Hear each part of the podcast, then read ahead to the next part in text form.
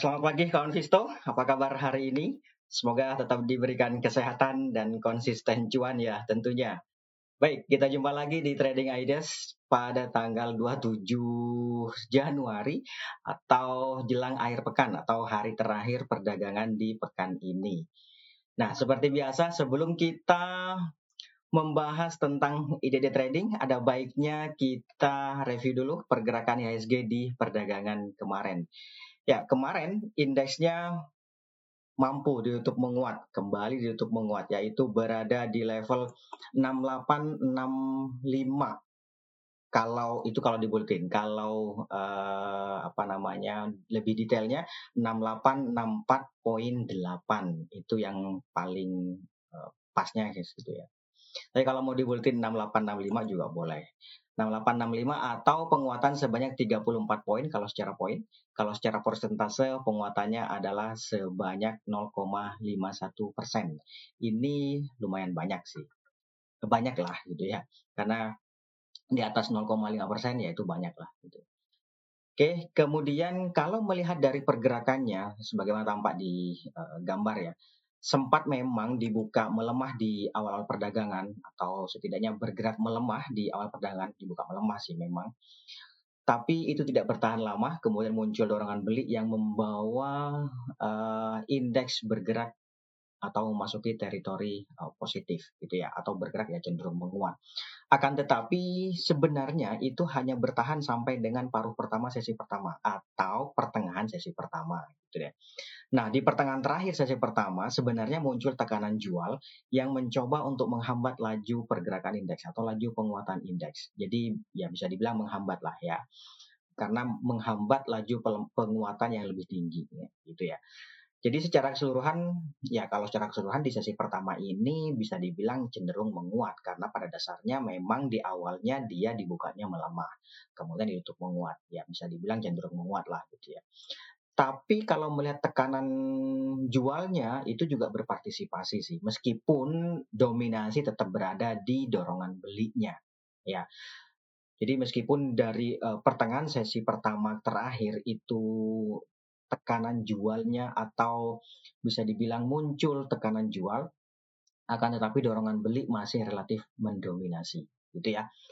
Nah, sedikit berbeda dengan sesi pertama. Di sesi kedua, indeksnya justru uh, apa mengalami penguatan sejak awal perdagangan sesi kedua. Gitu.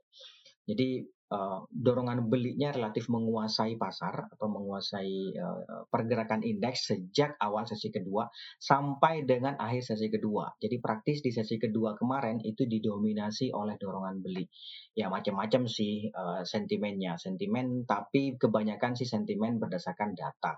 Jadi bukan karena sentimen kebijakan. Kalau kalau data itu ya kayak muncul laporan keuangan dan lain sebagainya lah gitu. Ya, Secara keseluruhan, indeksnya di perdagangan kemarin bergerak cenderung menguat. Jadi di sesi kedua cenderung menguat, di sesi pertama ya bisa dibilang cenderung menguat juga. Secara keseluruhan ya cenderung menguat gitu ya. Apakah penguatan yang terjadi kemarin bisa berdampak di hari ini? Coba nanti nanti kita lihat bareng-bareng ya. Oke, kemudian itu dia untuk uh, eh, IHSG-nya. Nah, dari penguatan yang terjadi di indeks tersebut, saham-saham apa saja sih yang di perdaan kemarin itu membawa indeks bergerak menguat? Lima besar saham yang membawa indeks bergerak menguat di perdaan kemarin, yang pertama ada BCA. Nah, BCA kemarin mampu untuk menguat 3% ini banyak banget seiring dengan uh, munculnya data yang keluar gitu ya. Kemudian uh, disusul oleh Telkom, lalu Bank BNI Bank Negara, kemudian disusul Bank Mandiri dan terakhir ada uh, eh, AMRT atau Alfamart. Jadi dari lima besar tersebut tiga di antaranya adalah saham-saham perbankan yang membawa indeks bergerak uh, menguat. Itu ya. Kemudian sebaliknya nih, lima besar saham yang mencoba untuk menghambat laju penguatan indeks itu ada apa saja? Yang pertama ada Bian, kemudian ada Adaro Energi atau Adro, lalu ada Goto, kemudian ada United Tractors atau UT, dan terakhir ada Astra International atau ASII. Itu dia lima besar saham yang mencoba untuk menghambat laju penguatan indeks. Nah, bagaimana dengan transaksi asing? Ya, di perdagangan kemarin asing sendiri kembali mencatatkan net buy yaitu sebanyak 853 850-an lah bio gitu ya. Itu secara uh, keseluruhan atau di pasar secara keseluruhan. Ini banyak banget. Kemudian kalau coba kita rinci di perdagangan reguler sendiri itu uh, net buy asing itu ada di 714 bio. Ini banyak banget. Pokoknya kalau di atas 500 bio itu udah banyak gitu ya. Sementara di pasar non reguler juga uh, asingnya mencatatkan net buy juga sebanyak 138 bio. Jadi total 853 bio. Itu dia untuk net buy asing. Nah, dari net buy asing yang terjadi di pasar reguler tersebut yaitu sebanyak uh, sebanyak 714 bio ini saham-saham apa saja sih di perdagangan kemarin yang banyak dibeli oleh asing. Lima besar saham yang paling banyak dibeli oleh asing adalah yang pertama ada BCA, kemudian ada Telkom, lalu ada BNI, kemudian ada Merdeka Copper Gold, dan terakhir ada Antam atau Aneka Tambang. Nah, itu dia uh, lima besar saham yang paling banyak dibeli oleh asing. Uh, yang pertama BCA coba kita lihat sebanyak 257 bio naik buy asing. Ini banyak banget. Ya, tadi seperti saya sampaikan uh, munculnya data dari BCA laporan keuangannya yang fantastis, yang bagus gitu ya, mendorong untuk uh, apa namanya harganya naik. Nah, Sebaliknya, uh, lima besar saham yang paling banyak dijual oleh asing di perdagangan kemarin, saham-saham apa saja sih? Ya, yang pertama, sebentar. Lima besar saham yang paling banyak dijual oleh asing yang pertama adalah Bank Mandiri. Tuh, Bank Mandiri berbankan uh, apa namanya yang nyeleneh dari ketiga lainnya gitu ya. Kalau tadi kan uh, di apa namanya di di net buy-nya asing itu BCA sama uh, eh, BNI. Nah kali ini juga ada dua juga nih yang net sell. Yang pertama ada Mandiri, kemudian ada BRI. Tapi net sell-nya sedikit, hanya 54 bio. Itu yang paling banyak. Ya, Mandiri net sell itu hanya 54 bio. Ya bisa dibilang tipis lah ya. Kemudian BRI 43 bio lalu ada Aces atau S Hardware, kemudian ada Goto, dan terakhir ada Gudang Garam. Oke, itu dia lima besar saham yang paling banyak dijual oleh uh, asing. Sebenarnya sih termasuk juga ada Cepin sih, Cepin, kemudian ada uh, eh, BTN itu ya. Juga termasuk salah satu yang paling banyak dijual oleh uh, asing, tapi masuknya ke 10 besar. Baik, saya pikir itu untuk transaksi asing. Selanjutnya kita ke Outlook. Bagaimana Outlook hari ini? Oke, kita pindah ke sini. Sebentar, oh. Ya, ini dia Outlook hari ini. Coba saya kecilin ya. Nah, gini deh. Ya, kalau melihat uh, pergerakan indeks di perdagangan kemarin, sebagaimana tadi saya sampaikan bahwa cenderung menguat dan tampaknya dia masih mencoba nih untuk bertahan di atas EMA 50 dan ini memberikan peluang bagi dia untuk bergerak menguat atau melanjutkan penguatannya menuju resistance level yang ada di 6900 itu paling dekat di atasnya 6925 jadi memang sih satu-satunya hal yang mencoba untuk menghambat laju penguatan indeks adalah stokastiknya sebagaimana tampak di situ ya. Ya nih Nih ya, sebagaimana, sebagaimana tampak di sini, stokastiknya memang ada potensi untuk menghambat laju uh, penguatan indeks. Tetapi ini kan strong strong uptrend, benar nggak? Nih, strong uptrend. Jadi kalau strong uptrend biasanya atau hal yang wajar kalaupun nanti stokastiknya selalu bergerak di overbought terus gitu. Gitu ya.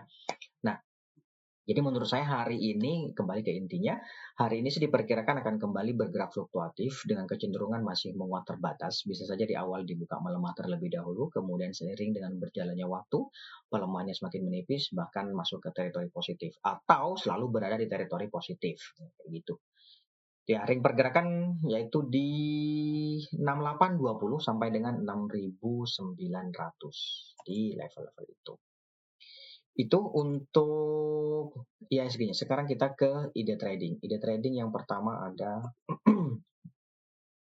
bentar. BBCA dulu. Oke, karena ini kemarin fantastis BBCA, jadi nggak ada salahnya ya kita bahas dulu. Ini kan termasuk yang pertama kemarin dia adalah uh, eh, IDX Movers atau menduduki ranking pertama yang paling banyak yang membawa indeks bergerak menguat. Kemudian di samping itu juga menduduki ranking pertama yang paling banyak dibeli oleh asing. Jadi kan uh, ya udah membawa indeks bergerak menguat, paling banyak dibeli oleh asing. Jadi menarik sih menurut saya. Melihat dari pergerakan harga kemarin, ini kan long white Marubozu ya kan? Ini terbentuk long white Marubozu dan harga tampaknya bergerak melewati resistance level yang ada di sini. Ini yang pertama yaitu di 8350, kemudian berikutnya ada 8450. Memang 8450 itu cluster dengan EMA 50 ini. Memang ya kalau terjadi long white candle kan biasanya akan mengalami pause, itu benar. Nah, oleh karena itu ada dua strategi yang bisa dipertimbangkan di uh, eh, BCA ini. Yang pertama adalah trading buy. Oke, okay? trading buy karena dia mencoba untuk bergerak di atas EMA 50 ini. Jadi boleh saja trading buy yaitu di 8375 sampai dengan 8475 bisa dipertimbangkan di level-level itu. Nanti target take profitnya 8700. Kalau dapat harga di 8 bahkan dapat harga di 8475, saya pikir 8700 cukup sih, ya nggak sih? Kalau misalnya dapat harga 8375 misalnya ya atau 8350 8375 gitu ya turunin dikit juga boleh 8600 gitu. Uh, saya pikir bisa sih bolehlah dipertimbangkan untuk take profit di level-level itu. Itu ya itu yang pertama strateginya. Yang kedua adalah buy on witness ya kalau buy on witness 8350 sampai 8400 lah gitu ya atau atau 8425 misalnya. Ya di level-level itu saya pikir juga uh, boleh saja Oke. Target take profitnya yaitu 8.700 sampai dengan di atasnya 8850 ya. Uh, boleh saja sih berharap ke 8850 ini yang garis hijau nih kawan. 8850 ya.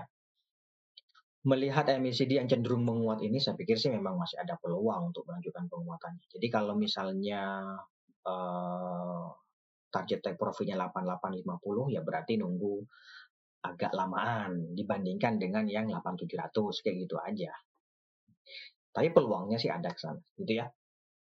Oke, itu untuk BCA kawan. Kemudian kita lanjut lagi. Oke, kita lanjut ada sebentar ya. Boga nih kawan satu ini ininya sahamnya nyeleneh-nyeleneh sih biasanya. ya. Tapi menarik-menarik gitu. ya, ini dia untuk uh, Boga melihat ini kurang lebih sama sih dengan yang terjadi di BCA tadi. Long white candle waspadai tetap waspada sih long white candle itu biasanya di, uh, uh, diiringi dengan pause atau break atau ya koreksi lah yang kayak gitu. Strateginya yang menurut saya nih yang paling pas adalah uh, bisa spekulatif buy atau buy on witness. Buy on witnessnya di 1260-an ya, di 1260 ya. Ya 1250 sampai 1260 itu boleh buy on witness di level-level itu. Nah, kalau misalnya ternyata harga dibuka open gap atau dibuka menguat katakanlah di 1275 atau 1280 bahkan mending tunggu di bawah gitu ya. Tapi kalau dibukanya uh, sama 1270 atau bahkan dibukanya lebih lemah di 1265 atau 1260 nanti ketika dia naik di atas 1270 boleh juga spekulatif buy gitu itu ya. Jadi pertama ada buy on tadi kemudian ada spekulatif buy gitu. Tapi sekali lagi kalau misalnya open gap mending tunggu di bawah Target take profitnya di berapa? Katakanlah dapat harga di berapa? 1270 tergantung dapat harganya sih. Ya nggak sih? Kalau dapat harga di 1270 1295 harusnya sih cukup, ya nggak sih? Di sini. Cukup nggak? Kalau nggak cukup, bolehlah dinaikin di atasnya ini. Di sini kawan. Nih. Itu ya. Itu di 1310. Nah, di level-level itu oke okay sih. Uh, best price-nya kalau mau beli on witness di mana? Ya di sini. Ya supportnya kan di sini nih. Ya 1240. gitu. Jadi kalau mau saya nggak suka sih uh, trading, saya lebih sukanya buy low sell high.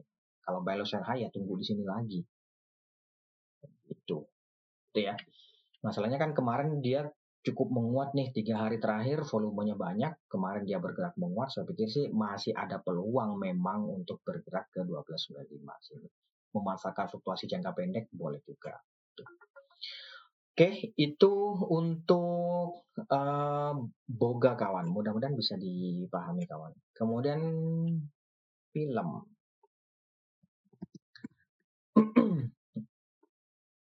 oh, saya lupa. Ini tadi dirubah. Sekarang film saya rubah. Nih film. Iya. Film ini hmm, ini bisa dibilang ya ngeri-ngeri bukan ngeri-ngeri sedap tapi sedap-sedap ngeri gitu. Kenapa? Karena ini perlu diwaspadai aja sih pergerakan uh, film. Maksud saya begini, ini kan trennya turun, ya kan? Coba coba saya kecil ini. Ini kan trennya turun nih, ya enggak? Ini tren turun, kemudian coba kita lihat ya, setelah dia mengalami black candle, lalu muncul white candle, bisa dibilang ini uh, ya doji meskipun nggak sempurna gitu ya, atau ya white candle lah. Uh, spinning top ya boleh juga meskipun nggak sempurna juga gitu.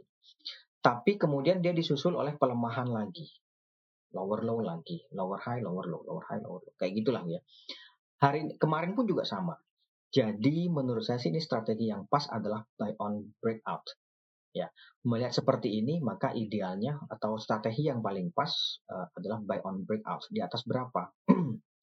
di atas 1100 itu tentu uh, idealnya ya di atas ini karena resistennya kan di 1100 tuh di sini nih. 1090 lah ya di atas itu. Cuman setidaknya kalau mau uh, apa namanya uh, ngebet gitu misalnya. Ya setidaknya di atas uh, di atas 1065 di atas 1060 deh. Di atas 1060 deh baru boleh ikutan uh, trading buy. Naik targetnya di berapa? Ya kalau dapat harga di 1065 katakanlah menurut saya sih nggak usah jauh-jauh. 10 100 10 100 1100 cukup nggak itu cobalah kita kita hitung ya. Katakanlah dapat harga di berapa? 1065 dapat harga di 1065 ya. Berarti kan kita untungnya 35 tuh. Kalau jual di harga 1000 kalau untung 35 eh, itu secara persentase bersihnya 2,8 persen. Itu cukup banget sih. Cukup sih ya nggak sih? Oke, itu untuk uh, film kawan. Kemudian kita lanjut ya. Ada jam. Nah, ini dia. Jam. Sebentar. Ya. jam gini. Nah, ini uh, cukup menarik kalau melihat dari pergerakan harga penguatan yang terjadi di perdaan kemarin ini memberikan peluang ke sini kawan. 166 jadi cukup sih. Untuk trading buy dengan target temporal 166 harusnya sih cukup. Ya nggak sih? Katakanlah dapat harga di berapa? Bahkan dapat harga di 160 katakanlah. Terus kita pasang jual di 166 uh, berarti kan untungnya 3,7 persen. Itu kotor bersihnya 3,2 persen. Cukup sih 3,3 bahkan 3,3 persen. Nah strateginya sih menurut saya misalnya dapat uh, misalnya pakai desktop investasiku di situ kan ada trailing stop tuh ya kan? Ada trailing stop jadi pasang aja misalnya uh, kita beli di 159 target kita 165 katakanlah. Nggak usah 166 deh 165 aja. Uh, di trailing stop pasang 165 minimal terus kemudian uh, tiknya tiga gitu misalnya. Jadi ketika nanti harga bergerak di atas 165 katakanlah sampai di 180 kemudian turun tiga tik kita kejual gitu. Jadi enggak tapi enggak kejualnya di 165. Kalau jual kalau uh, naik 180 terus kemudian tiga tik itu kan berarti 179, 178, 177, 176 gitu. Jadi rencananya kita pasang di 165 ternyata kok laku 176 itu sering kejadian dan itu hanya bisa dengan uh, trailing stop di desktop investasiku. Ada di stop, ada fitur uh, trailing stop di situ. Oke. Okay? Jadi dia akan selalu mengikuti uh, pergerakan harga. Kalau naik ya dia akan terus naik kayak gitu-gitu, kawan. Boleh dicoba nanti ya. Oke, itu untuk cem kawan. Kemudian kita lanjut dulu. Oke, setelah cem ada lagi sebentar ya. Ada akra. Nah, akra. Akra. Oke, akra dulu ya. Akra ini uh, menarik. Kalau ada uh, bagi semua kawan Wisto kalau mau nanya jangan di Q&A ya. Uh, agak susah bacanya kalau di Q&A. Di chat room aja, di chat biasa aja gitu. Jadi nanti uh, biar bisa langsung dibaca. Oke, okay. karena ini pakai device yang berbeda. Oke, okay. uh, Akra, Akra. Nah, Akra ini menariknya kan kemarin ada info tuh, ada uh, apa masuk kembali ke LQ45 ya kalau nggak salah ya. Nah, jadi kalau nggak salah berarti benar. jadi ada peluang sih, ada uh, sentimen positif itu cukup menarik sih, ya nggak sih. Jadi saya pikir ini juga boleh sih trading buy lah. Meskipun memang di perdana kemarin di akhir-akhir sesi dia muncul tekanan jual, tetapi menurut saya masih uh, cukup menarik. Terlebih lagi dia kan bergerak melewati EMA 50 nih yang ada di sini kawan. Jadi bisa saja dipertimbangkan untuk trading buy 1380 sampai 1400 saya pikir boleh di level-level itu. Nanti target take profitnya di 1440 yang ada di sini nih kawan, yang garis biru nih. Sampai dengan 14 1455 ya 1440 sampai 1455 di sini nih kawan, yang garis biru, yang ini garis hijau boleh sih dipertimbangkan di level-level itu. Nah, seperti sebagaimana tadi saya sampaikan, nih memang sih kalau melihat uh, stokastiknya ini kan overbought banget gitu ya. Tapi ini adalah strong, strong uptrend. Jadi hal yang wajar kalau strong uptrend uh, apa namanya leading indicator itu menunjukkan selalu overbought. Nggak ada uh, nggak ada yang aneh gitu ya maksud saya. Kemudian melihat dari uh, ini MACD-nya yang masih cenderung menguat, saya pikir sih masih ada peluang untuk melanjutkan penguatannya. Target take profitnya tadi 1440 sampai 1455. Stop loss-nya nanti kalau harga melemah sampai di bawah 1360, boleh dipertimbangkan untuk uh, stop loss di bawah itu ya, ya 1350, 1345 gitu misalnya. Oke, itu dia untuk Akra kawan. Kemudian berikutnya kita lanjut ada uh, sebentar. Esa. Esa, oke, Esa dulu ya. Esa. Ya, ini dia untuk Esa. Ya, di peran kemarin dia kembali berlanjut uh, bukan berlanjut ditutup menguat ada dua strategi ini yang bisa dipertimbangkan melihat uh, apa namanya konsolidasi yang terjadi selama ya kurang lebih sepekan terakhir nih ya kurang lebih sepekan terakhir kan konsolidasi nih mencoba untuk bertahan di atas EMA 50 ya kan tetapi kemudian kemarin dia bergerak menguat sampai di atas 985 atau bahkan di atas 1000 gitu ya. Nah, ini memberikan peluang untuk mengalami bullish continuation. Setelah mengalami konsolidasi selama sepekan terakhir, ada peluang untuk mengalami bullish continuation.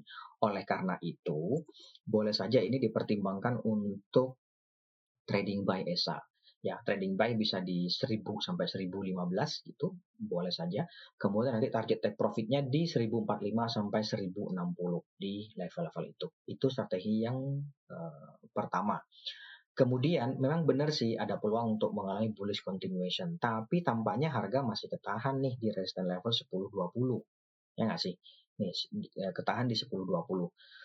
Kemarin sih memang bergerak mencoba untuk melewati atau bergerak di atas EMA 50, tapi ketahan, ketahan atau tertahan di 1020. Jadi bisa saja dipertimbangkan juga strategi yang kedua yaitu buy on breakout di atas 1020. 10.25, 10.30 kayak gitu. Kalau dapat harga di 10.25 atau 10.30, menurut saya sih 10.60 bisa sih dipertimbangkan untuk take profit. 10.60 itu di sini kawan. Ya nggak sih? Katakanlah kita dapat harga di 10 30 ya. Kemudian kita uh, target uh, take profitnya di 1060. 1060 berarti kan ada 30 perak, bener nggak? Kita coba hitung ya, 2,9 persen, bersihnya 2,5 persen. Itu uh, apa namanya cukup sih harusnya ya nggak sih di atas 2 persen lah bahkan dua setengah persen. Nah untuk lebih memaksimalkan ya siapa tahu naiknya tuh sampai ke 1100 gitu kan ya sekali lagi pasang trailing stop fitur trailing stop yang ada di desktop investasiku. Nggak ada bosan-bosannya saya ngingetin itu karena itu memang terbukti uh, ampuh banget sih. Kita berharap hanya dua persen gitu misalnya ya. Katakanlah kita beli saham terus kemudian kita satu persen atau dua persen. Ternyata sahamnya naik tinggi sampai tujuh persen. Begitu turun tiga tik langsung uh, kejual which is yang awalnya berharap hanya satu setengah persen dua persen bisa untung sampai tiga persen lima persen kayak gitu itu ya oke itu untuk uh, ESA. Kemudian kita lanjut lagi. Ada Telkom. Ini terakhir ya, Telkom. Telkom. Oke, Telkom. Ya, ini dia Telkom. Telkom ya. Kemarin dia mampu tutup menguat. Saya pikir masih ada peluang untuk melanjutkan penguatannya. Trading buy boleh 4030. Target take profit terdekat itu uh, cukup nggak? Kalau nggak cukup ya bisa saja sih dinaikin gini di 4080. Tapi kalau misalnya kemarin sudah ikutan, menurut saya sih 4030 sudah bisa sih dipertimbangkan untuk uh, take profit. Itu ya. Nah, uh, sekali lagi boleh dicoba pasang trailing stop saja dengan minimal 4030 gitu misalnya. Di minimum price-nya di style di 4030, kemudian uh, ticknya ya tiga tick boleh. Jadi nanti misalnya harga naik sampai 4100, lakunya nanti di 4060, 4000 ya. Kalau di harga 4100 lakunya di 4060 sih. Kalau turun tiga tick ya gitu. Oke, baik. Saya pikir itu dulu Konvisto untuk hari ini. Terima kasih atas kehadiran dan partisipasinya. Kita jumpa lagi awal pekan depan. Uh, mohon maaf jika ada salah kata. Uh, tetap jaga kesehatan. Sekali lagi terima kasih. Selamat pagi. Salam investasiku for. Investasiku for better tomorrow.